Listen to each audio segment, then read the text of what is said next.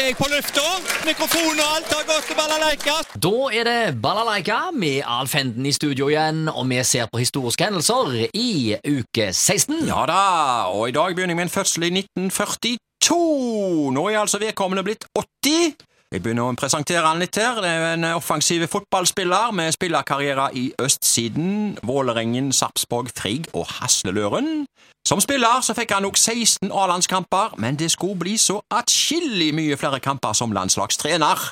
Jeg Ja. snakker jo selvfølgelig da om Egil Drillo Olsen. Ja da. Ja da.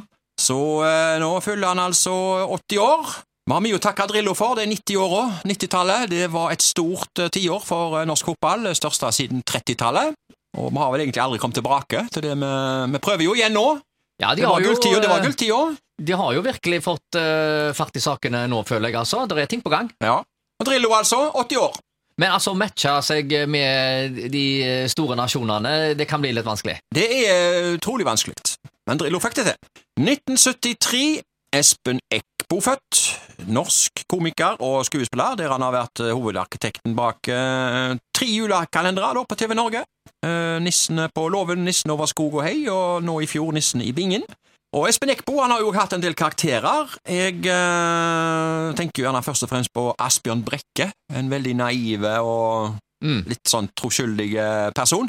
Ja, Han er flink, Espen Eckbo. ja visst, ja visst. Ja. Hendelser internasjonalt. 1977, Bravo-utblåsingen. Den første alvorlige utblåsing, eller blowout som vi kalte det, i Nordsjøen da, på plattformen Bravo i Ekofiskfeltet. Eh, og Denne dramatiske hendelsen ble jo nylig òg via stor oppmerksomhet i NRK-TV-serien Lykkeland. Bravo-utblåsingen, altså, i 1977. 2016, Parisavtalen ble undertegnet av 175 land. Nå har de jo prøvd å komme seg videre etter den avtalen der, men eh, det er ikke lett å få alle til å bli enige om eh, nedskjæringer i, eh, i utslipp. Nei, det er noe med det. Ja. Hendelser lokalt. Kino i uke 16. 1966 denne gangen, og da pleide det å være fort eh, gjort. Eh, På festiviteten gikk filmen Skilsmisse på amerikansk. Det var en voksenfilm. Hovedrollene Frank Sinatra, Deborah Kerr og Dean Martin. Mm. På Håndverkeren gikk filmen Wells Fargo. Det var en ungdomsfilm. Og så gikk en voksenfilm Piken med de grønne øyne. Det var altså kinemenyen i 1966. 1962 Hestestall blir parkeringshus. Haugesunds Dagblad skrev Arbeidet med rivingen av den gamle hestestallen i Haugesund er nå i full gang. I stedet for hestestall skal det bli parkeringsplass på tomten. Et tydelig tidens tegn. Eh, Det var 1962, altså, og det er helt klart et signal. Eh, Bilen var plutselig blitt mer inn enn hester. Ja. Ingen tvil om det. Eh, Og dette med parkeringsplass og parkeringshus, det er jo hot den dag i dag, det. Det diskuteres jo hvor flott dette her skal bli, dette her parkeringshuset nede i sentrum her. Men ingen tvil om at eh, bilen har kommet for å bli, og uh, hesten den er selvfølgelig kommet for å bli det ennå, men han er ikke så mye å se ut i trafikken lenger. Han Nei, er ikke nei. det. Det er ikke så mye hest. Nei, det er ikke så mye hest. uh, 1977. Haugesunds Avis hadde en overskrift der. Leskuret ble igjen Ja, det var en artig sak. Jeg siterer videre. På Spannaveien syd for Rossabø skole har Haugaland Bilag satt opp et leskur. Det har vært til stor nytte og glede for de mange fra blokkene og rekkehusene som bruker bussen. Men nå har HB flyttet stoppestedet fra skuret og nordover til Rossabø skole og latt skuret stå igjen. Resultatet er at folk som fremdeles tror at skuret gjelder som stoppested, blir stående igjen som andre idioter. Noen få av sjåførene er så observante på urimeligheten at de stopper ved skuret også, og tar opp de stakkarene som står der, men de fleste kjører rett forbi, og så må gamle som unge som står i skuret løpe for livet nordover til stoppestedet i håp om at bussen vil vente så lenge at de når fram. Vedlikeholdssjef Jørgen Håvardsholm i HB sier til Haugesunds Avis at det er i forbindelse med utformingen av sykkel- og gangstien langs Spannaveien at busslommen og skiltet er flyttet et stykke lenger nord.